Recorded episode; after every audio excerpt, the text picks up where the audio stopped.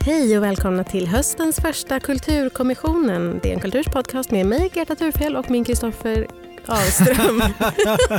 det är så jag beskriver mig själv också. Jag ville säga kollega, men du är också min Kristoffer Ahlström. Mm. Välkommen tillbaka till poddstudion. Välkommen tillbaka själv. Thank you. Hur är läget? Det är bra. Det är min andra dag efter semestern. Hur fan känns det? Ja, hjärnan är kvar på Fårö kan jag säga. Oh. Jag sitter bara här som ett tomt skal. Men jag ska försöka leverera ändå. Jag har suttit här som ett tomt skal i eh, en vecka redan. Så jag är... Ja, det, det märks. Vad ska vi prata om idag Kristoffer? Jo, det ska jag säga dig. Vi ska prata om Once upon a time in Hollywood, äntligen. Quentin Tarantinos nionde film. När vi gör det mm. så ska vi prata om Vadå? Eh, ja, vi kommer att prata om väldigt mycket, det blir förmodligen ett långt samtal det här. Eh, jag kommer bland annat att prata lite om huruvida intresset kring Manson-morden och seriemördare generellt är en typisk killgrej eller om det är så att det är en typisk tjejgrej. Ja, intressant, nästan ett, lite av ett Greta-tema. Mm. Eh, ja, själv ska jag prata om varför jag tycker att det vore så extremt sorgligt om det här var hans näst sista film. Eh, för att verkligen komma i eh, stämning här i Kulturkommissionen så ska jag som vanligt varna för spoilers. Eh, även om jag måste säga att jag är, är väldigt glad personligen att jag var spoilad så att eventuellt ska ni lyssna även om ni inte har sett filmen.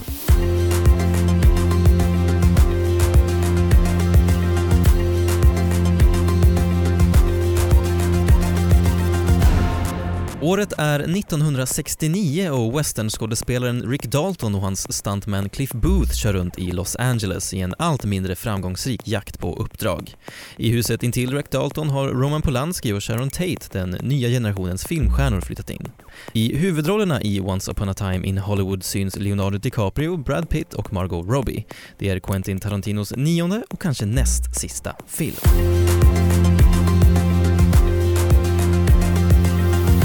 Göta, det här är ju då en film som har fått både ris och ros får man säga från, från kritikerna. Vad, vilken sida av skranket ställer du dig på? Eh, jag tänkte att jag skulle exemplifiera genom att göra en min och så ska du få beskriva hur den minen är. Ja. Eh, så här satt jag under hela, hela eh, filmvisningen. Du, för, bara förklara för lyssnarna, nu gör du exakt minen som Margot Robbie gör i varje närbild i den här filmen också. Det vill säga ett, ett eh, rart men eh, lite okritiskt leende. Glad över att få vara med. Eh, jag var så himla glad över att få vara med. Mm. Det var verkligen, det kan det sammanfatta min syn på den här filmen jättemycket. Jag tyckte verkligen att den var så jävla mysig, eh, rysig, bra. Den var, den, den fan höll mig fången hela tiden. I nästan tre timmar? Ja. ja. Mitt, jag, om jag skulle göra en min så var det så här Ja, ja. ja, nu såg det ut som att du hade eh, sålt smöret och tappat pengarna. Ja, eller bara, ja, det, det, var bara det var, det var långa timmar och mitt problem var väl snarare det som du beskriver som filmens styrka, alltså myset. Det var för mycket riktningslöst, strukturlöst, mys. En film som är nästan tre timmar består till 33,3 procent av folk som kör runt i olika bilar i solsken och lyssnar på liksom 60-talspop. Vilket är mysigt, men inte en timme av tre. Alltså jag tror inte det var en timme av tre, jag tror det kanske överdrev lite grann. Jag, tror att, och jag tyckte att det var så här, jag tyckte liksom inte att det gjorde någonting men, men det ska sägas att jag gick in, jag hade läst väldigt mycket om den här filmen på förhand, vi kan prata mer om det sen men jag visste hur den skulle vara. Jag visste, visst förväntade mig liksom ingen storslagen historia på det sättet. Utan visste att det skulle vara väldigt mycket mys och väldigt mycket scener. Så, enstaka scener. Men fan vad starka jag, scener det var. Ja, det inte var så jävla starka scener. Men det är lustigt för jag gick in med rakt motsatta förutsättningar. Mm. Jag undviker allt vad trailerrecensioner etc. heter. Wow. Bara för att komma liksom, som ett blankt papper och det pappret besudlades ska jag väl säga gentemot mina förhoppningar. Men eh, ja, vi kan väl ah, gå in kul. lite mer i detalj. Vad vi... vi ska prata mer om, om det där senare. Men, men Precis, jag... för jag skulle börja med att ta upp det här då som brukar vara liksom Tarantinos trademark, det vill säga den otroligt skarpa och liksom spetsiga dialogen mm. och, och liksom att uh, folk säger så här citerbara saker nästan oavbrutet och spottar one-liners. Uh, jag försöker nu dra mig till minnes en enda replik i den här filmen att, att återberätta men det står bara still. Är du, ja okej. Okay. Ja, det... Vad tyckte du om dialogen? Var jag fråga. tyckte att dialogen var Ehm, bra, men jag tycker nog inte att det var dialogscenerna som var de bästa om du förstår. Jag tycker nästan att de scenerna där karaktärerna är ensamma som de liksom får spela bäst. Ja. Och det gäller både Sharon Tate, alltså Margot Robbie och det gäller jättemycket eh, Leo DiCaprio som har en otrolig scen. Framförallt den här scenen där han är i när han har gjort bort sig och glömt massa repliker under en inspelning. den, det var enda Och scenen som i- brände till. och är Ja. ensam i sin eh, trailer Mm. och går runt och skriker på sig själv. Och jag har, hade en sån känsla av att jag, jag brukar inte gilla eh, DiCaprio så mycket. Jag tycker inte han är så bra skådis. Jag tycker framförallt inte att han är så snygg. Men han, fan vad bra han var i den scenen. Ja, det är en otrolig scen. Han är då, det är en scen som de ska spela in på en salon och han har en, en lång dialog med liksom, eh, ja, hjälten i filmen. Och gång på gång glömmer han sina repliker Mm. och man ser liksom frustrationen och osäkerheten växer hos honom och sen han kommer tillbaka till sin trailer och börjar sparka på inredningen och skriker liksom att ditt jävla fyllor kan inte ens komma ihåg när liksom lines. Gud, Nu är det över för dig. Ja, men det, det var också enda gången där jag kände någon enda, att jag blev gripen på något sätt i filmen. Resten var bara flytt förbi. Liksom, Men en dialogscen som jag också var väldigt eh, drabbad av var där ehm, eh, Rick Dalton pratar med den lilla flickan. Fy fan vad bra scen. nej, det tyckte inte jag. Jag tyckte Oh. det känns alldeles för konstruerat. Hon är så här jättelillgammal och överintelligent och liksom berättar sanningar om livet för henne trots att hon är åtta och han är liksom då livserfaren och så får han någon stor uppenbarelse, insikt om sitt misslyckande i livet och man söker för bekräftelse och så blir han så drabbad av det. Och, Ja, ja, det hörs att du inte träffade mig som åttaåring. Jag kände igen mig extremt mycket i den mest relatable karaktären, den lilla tjejen. Mm. Men eh, nej, för jag tycker, och jag tycker att det är liksom återkommande i olika, de olika scenerna. Den scenen, det finns flera andra som också är exempel på när det blir väldigt tydligt att det är en saga. Att filmen är en saga. mm. Eh, Vilket ju titeln avslöjar. Titeln eh, avslöjar men som många som jag har läst ändå rikt, inte riktigt verkar förstå som jag tycker återkommer i ganska många olika så här, eller som man kan ha som liksom eh, tanke i huvudet när man tänker på olika karaktärer och hur de är. Hon är ju väldigt mycket så här en eh, god fe eller liksom den rollen och det är ju, ska ju vara någon sorts så här magisk realismkoncept. som gör att det inte, man ska inte tänka så här, det finns inga åttaåringar som pratar så där. Det är en jättevacker scen därför att han är så extremt eh, drabbad av eh, att någon så här är snäll mot honom och inte typ har några baktankar med det. Och inte heller är så att hon eh, försöker liksom förminska. Utan, hon bara, det är bara ett sånt toppen utbyte som de har. Jag tyckte det var en jättebra scen. Ja, mitt, mitt problem då med varje gång någonting är en saga eller en allegori, allegori för någonting så känner jag direkt att okej, men då är det inte på riktigt, då behöver man inte ta det på allvar och då blir jag heller inte lika drabbad. Och det väl Mm. kanske mitt problem då med den här filmen, förutom att jag känner att det var, ingen, det var väldigt få en scener som ledde någonstans. Ja, absolut. Man kan ju ändå liksom känna en, en närvaro eller liksom att det här är liksom, finns insatser som betyder någonting. Jag trodde att du skulle tycka om scenerna med Brad Pitt och Leo DiCaprio eftersom det handlar så mycket om manlig vänskap. Ja, det trodde jag med, men samtidigt så är deras vänskap väldigt så den sätter inte fingret på någonting. De gör inte så mycket. De bara umgås, de säger liksom inga repliker som är särskilt vad ska man säga, inträngande eller avslöjande utan de mest bara ja, men myser. Åh, det, är så, det är min stora dröm att få vara med två eh, killar utan att de märker att man är där. Så jag blir, det blir väldigt, eh, för att liksom väl se hur män pratar med varandra. det här- det är väldigt, eh, Icke-givande, icke-utbytet mellan två män, det har jag liksom har dagarna i ända. Det, på så sätt är det verkligen inte en saga. Men, men det, är också, det blir inte, det mer intressant att följa det därför, bara för att det liksom är så man har det på riktigt. Jag vet redan att det är så här. Då får man i så fall stilisera det eller göra liksom, ja, vända också, på perspektivet. Jag tycker också att de är så magnetiska skådespelare. Jag har inte som sagt mycket till övers för, för Leonardo DiCaprio och inte heller för Brad Pitt.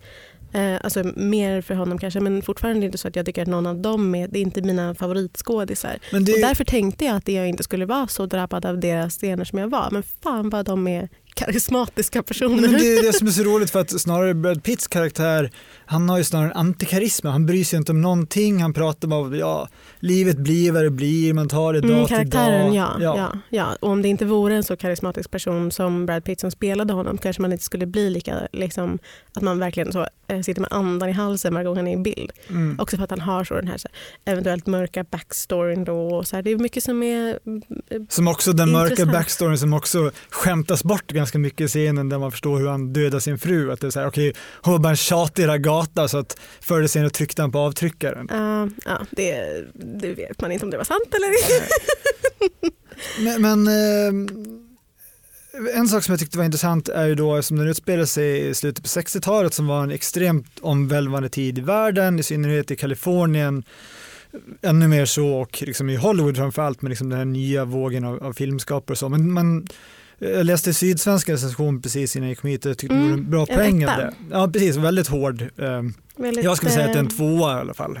Men, ja, mm. men icke desto mindre så tyckte jag det fanns intressanta poänger i det att han skildrar Hollywood men det är inte det Hollywood som befann sig i den här upplösningen då där liksom ja, men Peter Fonda och, och eh, Dennis Hopper och liksom Easy Rider och hela den här nya vågen av, av film som kom och ställde allting på ända. Jag vet inte, har du hört den här eh, väldigt ofta refererade säsongen av podden You Must Remember This så om just Manson-morden som är 12 avsnitt. Ja, Ja, jag ja. tror att jag i alla fall har hört delar av det men jag tycker det är så tråkigt med, med historiepoddar. Ja, för att då är det vanligtvis jag också, men hela första timmen behandlar bara liksom om hur det Ja, här just det. en- Det är typ det jag hörde. Och bara, Ja, ja, precis. Men nu här kommer liksom the, the counterculture och ställer liksom Ja. hela gamla studiesystemet, löser upp det och så. Men det ser man nästan ingenting eller man ser ingenting av den här filmen utan det är snarare så här eh, mysiga buskisrullar med Dean Martin där han är lite smålullig och liksom äh, tjejer som drattar på arslet och så. Men Roman Polanski och Sharon Tate ska ju vara det som, de är det, in, nya, precis. precis. som är det nya Hollywood och som liksom kommer från en annan plats och har en helt annan så här, eh, liksom, eh, artistic eh, liksom, spets i sina filmer. Alltså, sådana där saker som, är, som, som Rick Dalton liksom inte behärskar Mm. men som han så gärna vill vara en del av och som han föreställer sig att han kan vara en del av. Vilket är anledningen till att han jättegärna vill komma in i deras hus liksom, eller få vara med dem. Så. Det är intressant att det ska då handla om Rick Daltons liksom först uppgång och sen fall och liksom rädslan för att bli bortglömd, Mm. vilket är en dödsförklaring i Hollywood och så. Mm. Men eh, fick du intrycket att han var en stor och känd och hyllad skådis? Han verkar mest bara gjort så här liksom ganska camp, dåliga westernrullar och liksom någon exploitation andra världskriget-rulle. Men var inte, jo men det var ju det som var bra då. Eller liksom, det var kanske inte det som var kreddigt men det var väl det som folk såg. Han var väl typ en jättestjärna. Alltså folk kände ju igen honom och sådär. Och det var ju liksom, han hade gjort den här jättestora tv-serien då. Det var väl inte att han var liksom en cool skådis eller liksom en indie-darling men han var väl liksom jättekänd. Eller liksom bara så att han hade lyckats jättebra på 50-talet och nu var det, nu var det slut på det roliga på något sätt.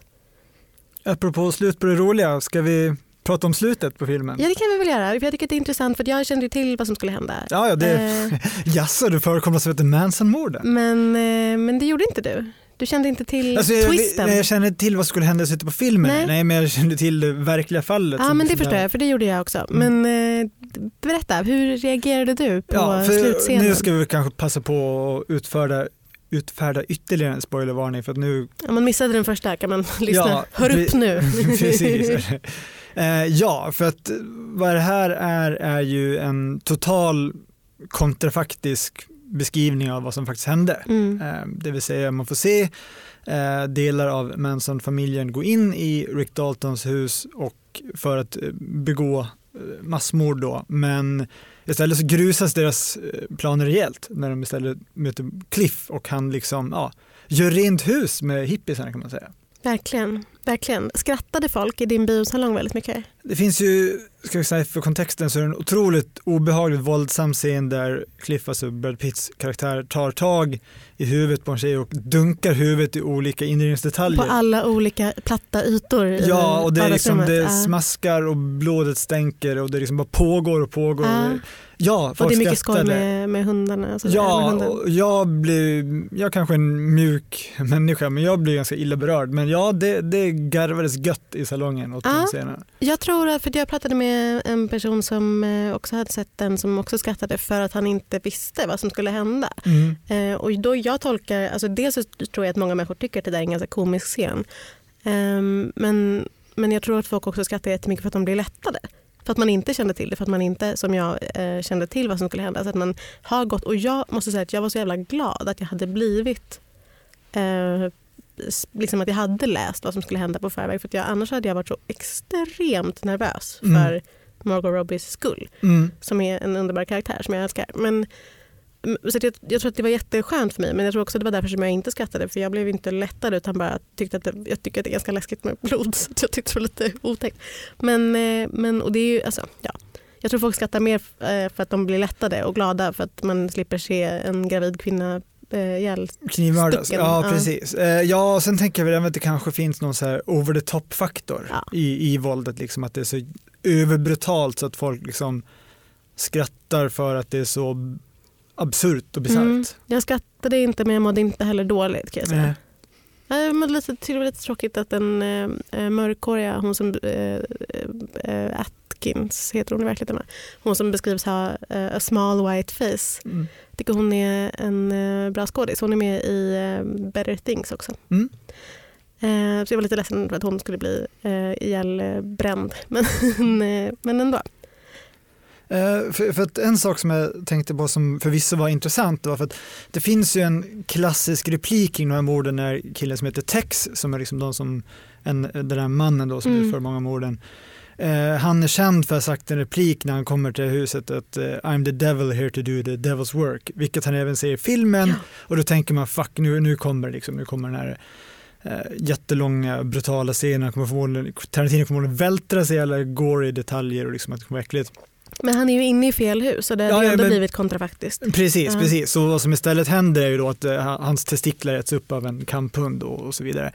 Eh, men, men det jag tyckte var intressant med den scenen och just att den här repliken har blivit så ikonisk och Mm. liksom nästan popkulturellt upplyftig klassiker Verkligen. är att eh, om man ska göra en koppling till idag så är det många så här av de terrorister, man ser senast nu den här eh, norrmannen som bröt sig in i moskén och hade liksom inspirerats av skjutningar i Christchurch och man hör liksom om och om igen hur liksom terrorister har inspirerats av andra terrorister just för att de blir liksom medialt mytologiserade, att liksom deras bilder visas, deras manifest publiceras, deras filmer Mm. som visas Mm.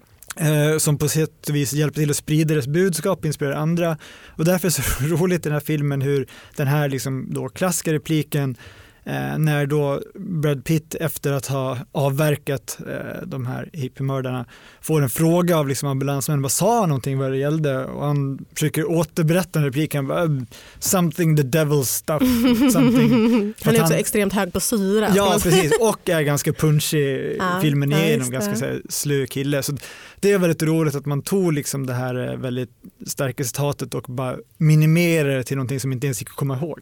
Tror du att det är liksom, eh, en Tarantinosk poäng? Ingen, ja, jag, jag tror nog ändå det. Just för att man liksom verkligen tar udden av det här uttalandet, eller den här klassiska repliken på ett sånt. Och att det är liksom en, en korkad kille som ja, är för dum för att fatta vad han hörde och inte kan återberätta det. Aj, aj, aj, det kluckar i rören. Men det är väl inget att bry sig om? Jo, då är det dags för de gröna bilarna. Spolarna behöver göra sitt jobb. Spolarna är lösningen. Ah, hör du? Nej, just det. Det har slutat. Hej! Halebop här. Vill du bli först med det senaste från Google? Just nu kan du byta in vilken mobil som helst och få nya Pixel 8A med en fantastisk kamera och praktisk AI. Och 30 gig surf för 339 kronor i månaden på halebop.se. Ses där! Eh, Jag såg ju filmen före dig. Ja. Ehm, ett par dagar före jag tänkte på en sak, ett motiv som återkom ofta i filmen, som ofta återkommer ofta i Tarantinos filmer, eh, både i beskrivningar och i närbilder, det vill säga kvinnliga fötter. Eh, och då tänkte jag så här, hmm, undrar hur många gånger man såg närbild på kvinnliga fötter i den här filmen. Så bad Mm. jag dig att räkna när du skulle se filmen. Vad, hur hög blev siffran? Mm, jag ska säga så här. Den liksom, siffran jag kom fram till är att det är fyra separata scener Mm. där fötter spelar en väldigt stor roll eller där det är väldigt mycket bild på fot. Mm. Men i varje, scen, i varje av de här fyra scenerna så är det lite från olika vinklar. Ja, lite det är olika väldigt collage, Ja, ja. Men jag tror att antingen var det fyra nakna fötter och ett par i, i skor. Eller Mm. om det var så. Men det är, det är mycket skor och mycket ben och sådär också.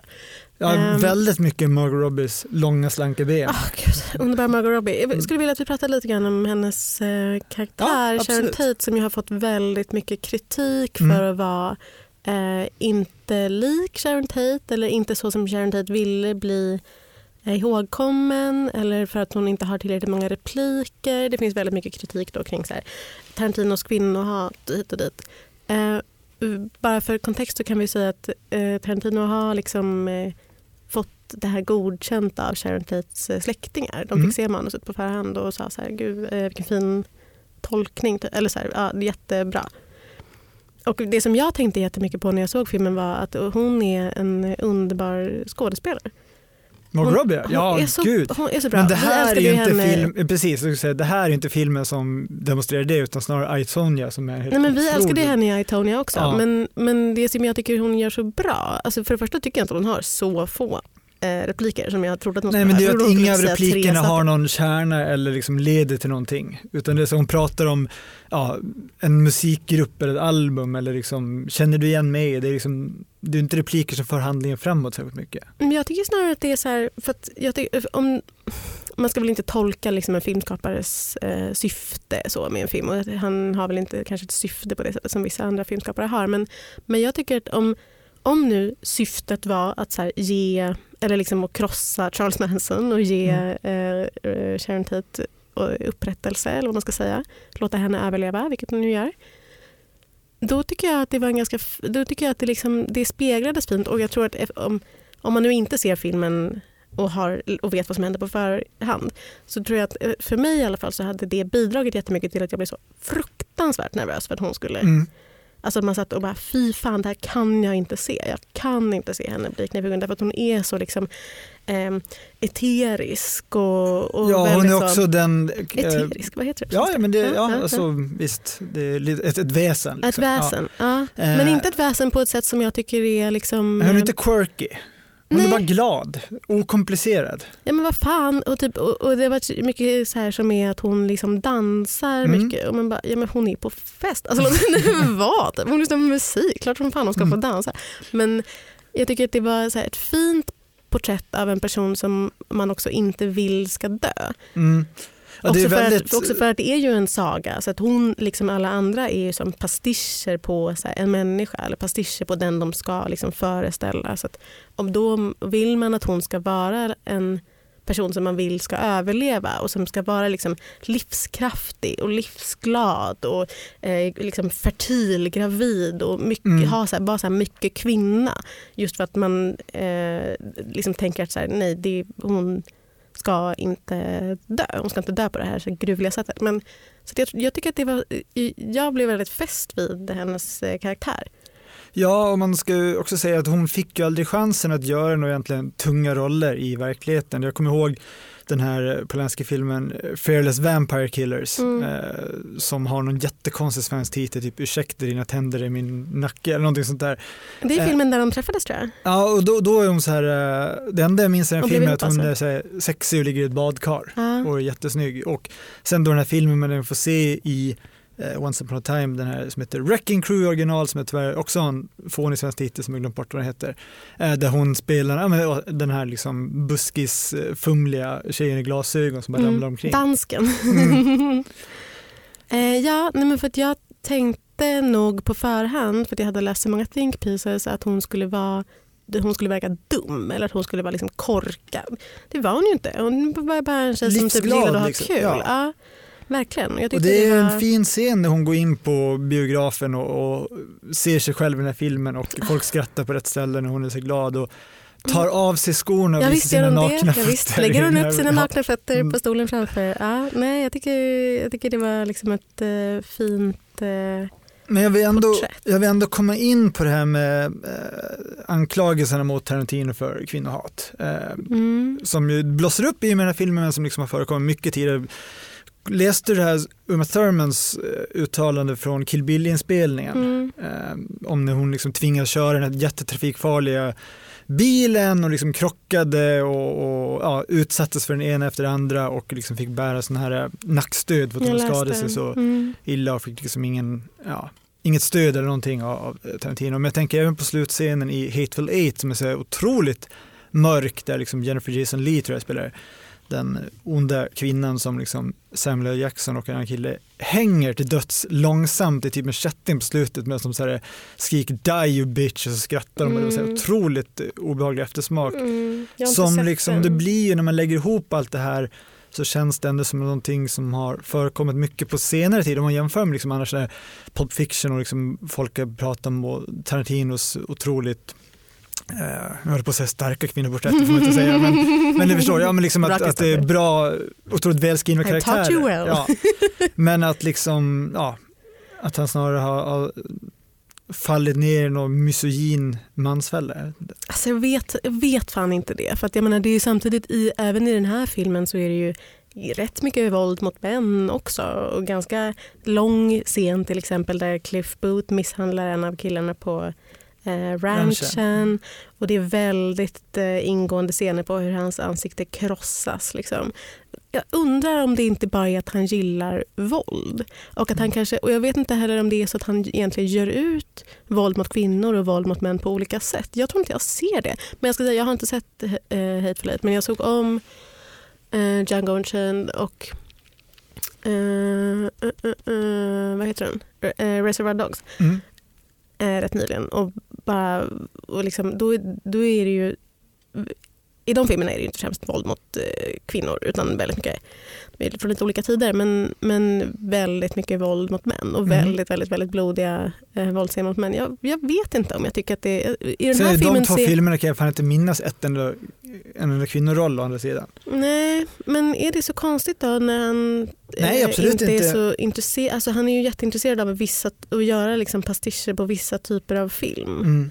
Eh, och i de filmerna så det, finns det inte så många kvinnoroller. Jag tycker ändå att det, i, i den här filmen så var det ju ändå så här eh, av förklarliga skäl eftersom eh, den handlar mycket om eh, Manson-familjen, väldigt många olika kvinnor och sen så är de ju liksom de är ju liksom olika sorters kvinnoroller eller vad man ska Mm. säga. Det är inte roller som man liksom så här, ah, den kan man byta ut mot en kille. Men, men jag tycker att det var så här, ah, jag vet- jag vet inte om det är så liksom, han, han han har ett speciellt sätt att, att liksom göra ut män och ett väldigt speciellt sätt att göra ut kvinnor som jag tycker också är så här, det är hans eh, sätt. Jag vet inte om man, skulle, om man hellre skulle vilja. Jag, tyckte typ att, jag undrar, eh, det här ska jag fråga dig. Mm. Tycker du, tror du att den scenen där då ehm, eh, Rick Dalton pratar med den här lilla barnet på Mm.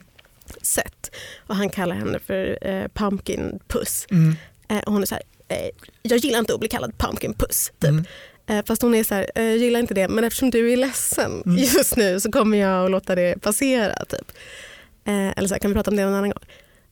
Hur, tror du att den scenen, den tyckte jag kändes väldigt meta. Den tyckte jag kändes som en kommentar till eh, Tarantinos haters. Typ. Ja, men, men då att det blir var så, också... här, så här ska man reagera när någon kallar en för lilla Ja, gumman. jag vet, men då blir det också så här, den kändes också övertydlig tyvärr. Ja, men antingen, ja precis, för att jag menar, hon skulle ju vara så här, en kavat tjej. Eh, så att, jag menar, det, är inte, det var inte otrovärdigt att den karaktären skulle säga så. Eh, för man kan tänka sig att det är en karaktär som inte gillar att bli kallad lilla gumman. Mm. Ehm, fast det är en åttaårig tjej. Men, men, men liksom, ja, jag funderade på så här, vad, är det där liksom, vad, vill han liksom ironisera över henne där eller, eller liksom ironisera över tjejer som inte vill bli kallade lilla gumman? Eller är han så här, att han bara, ja, det finns olika typer, alltså, vissa gillar det, vissa gillar Ja, inte nej, det. jag tror bara att det Margot var liksom... Robbie hade nog inte reagerat så. Nej, nej, men jag tror snarare så här, det här är den karaktären. Ja. Eh, när han skapar den karaktären och skrev repliken för den så är väl det, det utifrån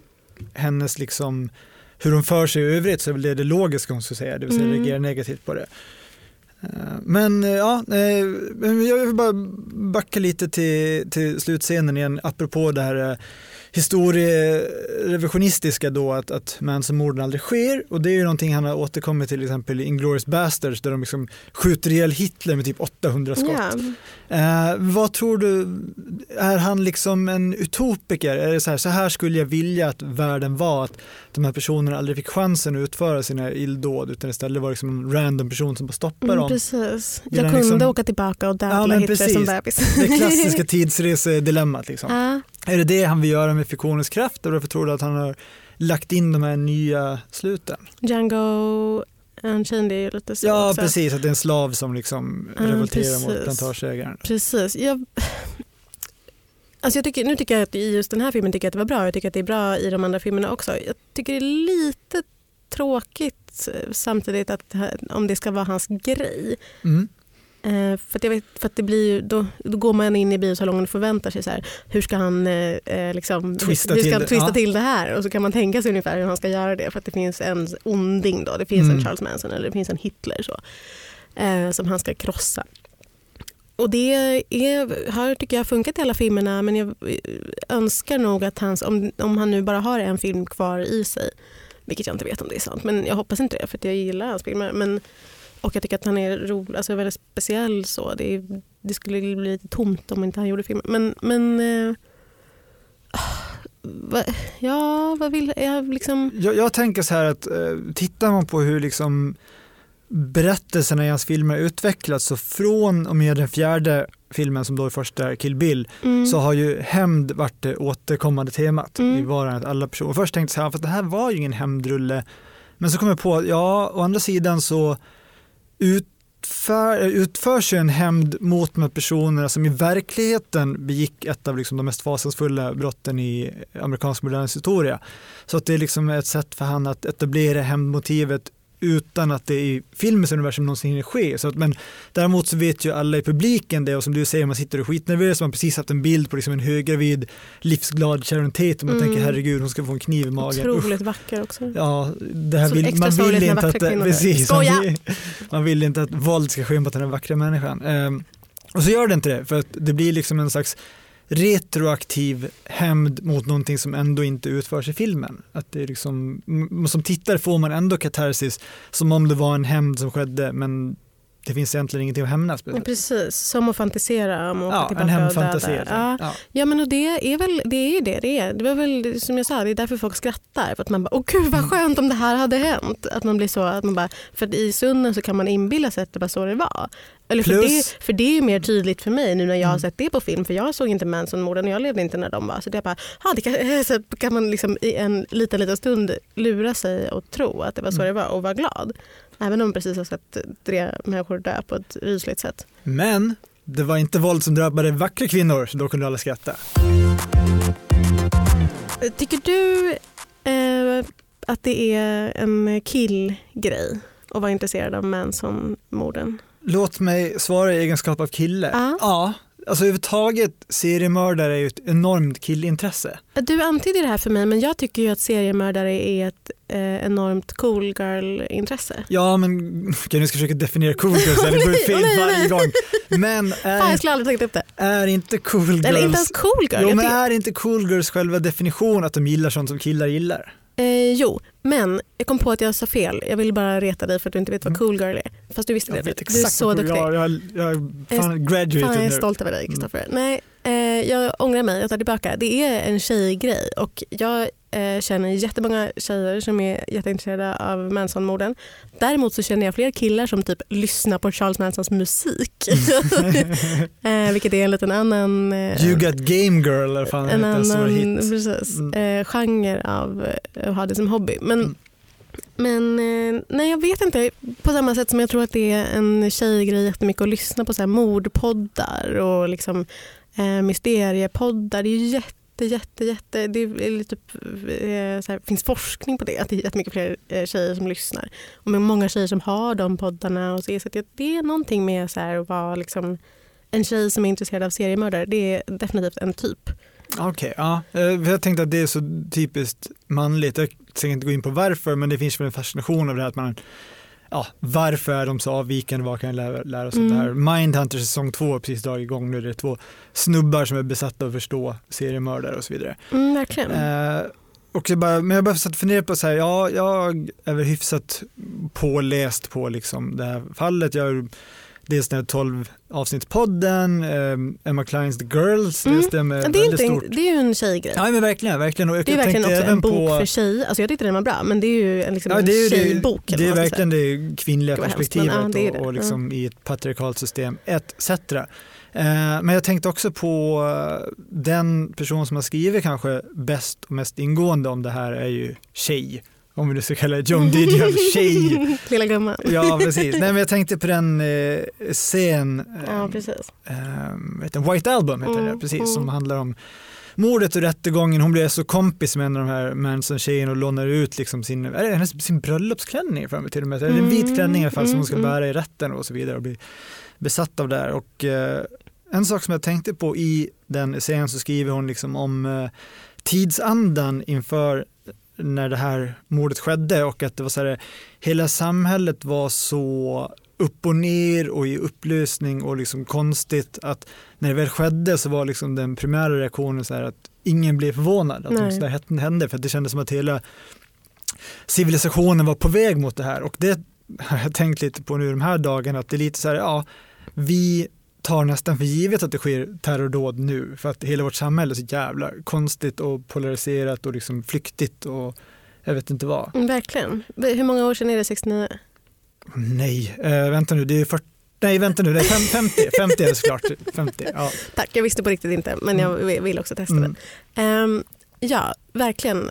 Eh, att man har en sån eh, 50-årsjubileum Romsittardagar-känsla väldigt Ja. mycket av att leva i den här tiden.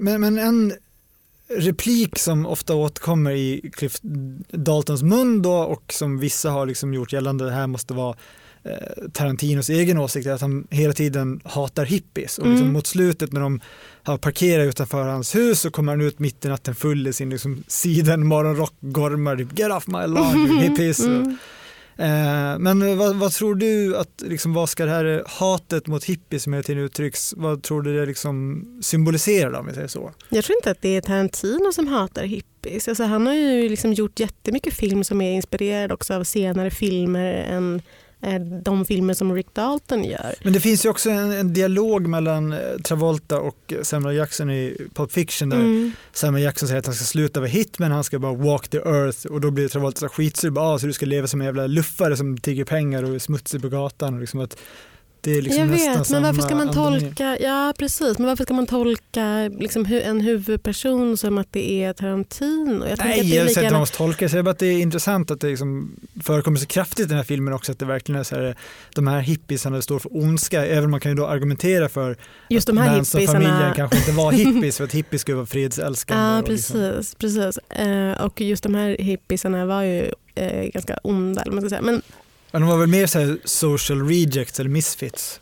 Snarare än hippies. Men, Exakt, med långt hår. Mm. Ehm, men ja, nej, alltså jag undrar om det inte snarare är så att han bara, alltså det är den helt, den helt uppenbara tolkningen att han hatar den nya tiden. Och, och det, han har ju anledning att hata den nya tiden därför att det är den som gör att han inte får några jobb. Och att Ja, nu, kommer... nu pratar du om Leonardo DiCaprios Rick Dalton, ja. Ja. precis. Att han eh, eh, får inga nya roller därför att det kommer en massa yngre och vackrare som får rollerna istället. Och liksom, de letar efter en ny sorts eh, man eller kanske eh, vill att de, man, man är inte så intresserad av den här, så här att en person ska omedelbart kännas igen. Det fi- finns ju då den här nya eh, regissören som kommer och så här, klä på honom en mustasch Mm. och klä på honom en lång peruk och han bara hur fan ska de se att det är jag? Mm. För det är, liksom, det är liksom den gamla skolans skådespeleri. Att man bara är samma, man är sig själv. Mm. Eller så här, man är sin skådespelarpersona i roll efter roll efter roll efter roll. Istället för att liksom spela olika roller.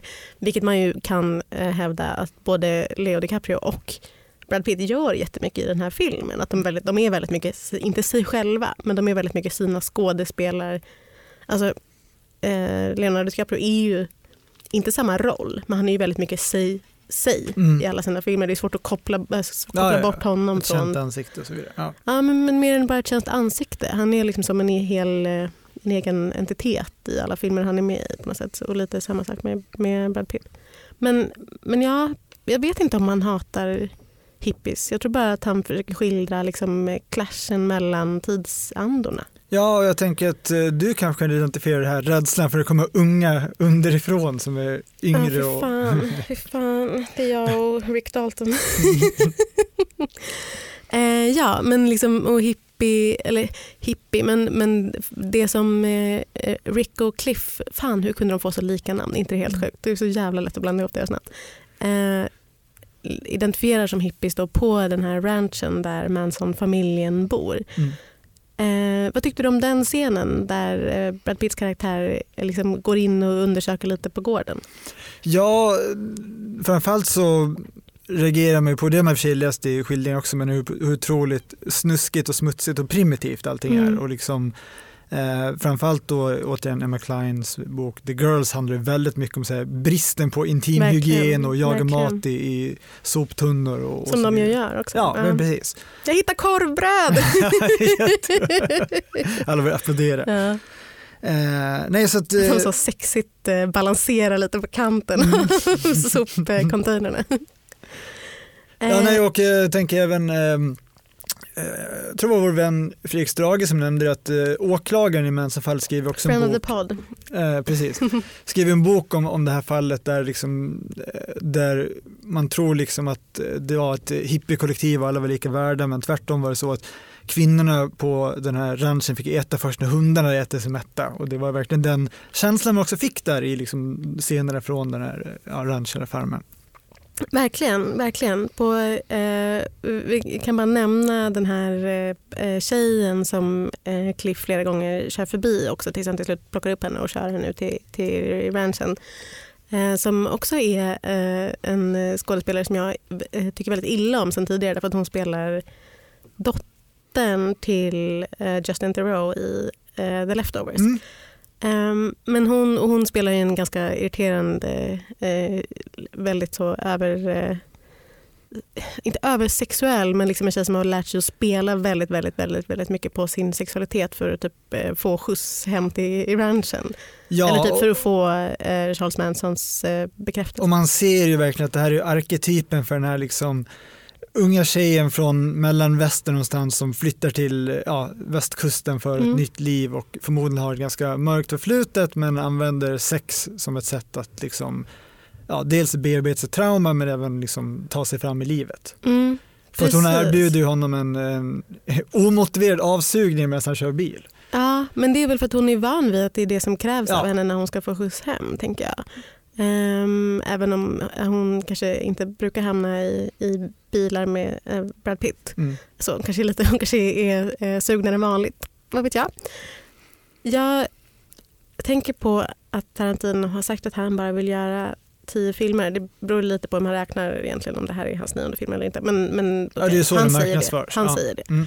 Ehm, vad tycker du? Vad, vad, för det första, så här, vad vill du att, han ska, att hans sista film ska vara? Om du får önska. Någonting annat än en Star Trek-film som ju är det Tack, som det är så himla skönt. Om man kollar på hans det. IMDB står den till och med som announced nu. Eh, Så då får man väl säga att Det är den inte vill jag bara säga. Den är inte announced mer än att han har fortsatt säga så här, ja det vore kul och... Ja, precis. Eh, om, det skulle mycket möjligt kunna vara att han har bara en film i sig. Det skulle till och med kunna vara så att det kanske är bra, för att jag tyckte inte att den här var något vidare som sagt. Eh, att det skulle vara ganska skönt. Eh, men framförallt tror jag eftersom han har liksom ett sätt att svårligen berätta korta tajta historier numera. Allting bara sväller ut. Även eh, Hateful Eight var typ tre timmar kammarspel. Liksom. Mm. Eh, så tror Django jag... är också så lång. Precis, så tror jag definitivt att han kommer flytta över till tv-världen och göra så här eh, serier där det är 15 en timmes avsnitt per säsong. Bara jätte... Tror du? Det Ja. känns som att han hatar tv. Han har ju regisserat ett par, en klassisk CSI-episod. Eh, Jag kan inte föreställa mig att han skulle liksom gå in i det. Det känns som att han är så jävla filmskolad. Ja, men å andra sidan se vart mer är på väg. Liksom. Det vill, vill man verkligen fläka ut sig så är det ju tv som gäller. Nej, jag, jag tror ändå att, eh, för att, jag tror verkligen att han kommer hålla fast vid att tio filmer sen är det punkt liksom. Men då Mm. kan man ju alltid gå vidare till tv. Men sen har han sagt att han vill börja skriva filmböcker och sånt där istället. Men det skulle jag tycka var tråkigt. Jag skulle sakna honom som sagt mycket om han inte gjorde film längre. Ja, inte här, för att han är liksom min favoritregissör men för att han är så extremt speciell. Och också för att det är, är en sån eh, eh, liksom lägerelds eh, happening Ja, när han väl släpper film. Jag var ju då på en visning som började 21 så den var ju klar vid midnatt, man var hemma vid ett snåret. Men det var liksom en fullsatt salong och det var liksom verkligen så här grabbgäng stod utanför och diskuterade familj, äh, filmen efteråt. Eh, så att verkligen, han, han samlar ju massorna, absolut. Det, det gör han. Så underbart. Mm. Jag, jag hoppas att han inte pensionerar sig. Jag hoppas att han Den här, just det, tackar säga, för den här filmen Nej, var ju från början en eh, roman läste jag som han skrev i fem år sen gjorde om till eh, filmmanus. Så det tycker jag märks också kanske i det här att den inte följer så strama dramaturgiska kurvor utan den är ganska lös och ledig. Mm, men jag tycker att det liksom gör... Eh, ja, det är ett väldigt... Men det är inte, jag, jag tycker att det inte är så många som kan behärska det berättarsättet och liksom bara stapla bra scener eller snygga scener eller liksom starka scener på varandra. Men att han verkligen gör det även när man i efterhand är så här, hm, varför var den där scenen med? Eller varför var det där? Vad var det där för någonting? Som konstig utvikning hit och dit. Men att det är liksom ändå, eh, han kan verkligen få det att funka. Man följer med hela vägen helt enkelt. Det har till slut blivit dags att tacka för idag och vi som tackar för idag heter Greta Thurfjell Och Kristoffer Ahlström. och vår tekniker Oliver Bergman. Vi är ett samarbete mellan Bauer Media och Dagens Nyheter. Hej då! Hej då!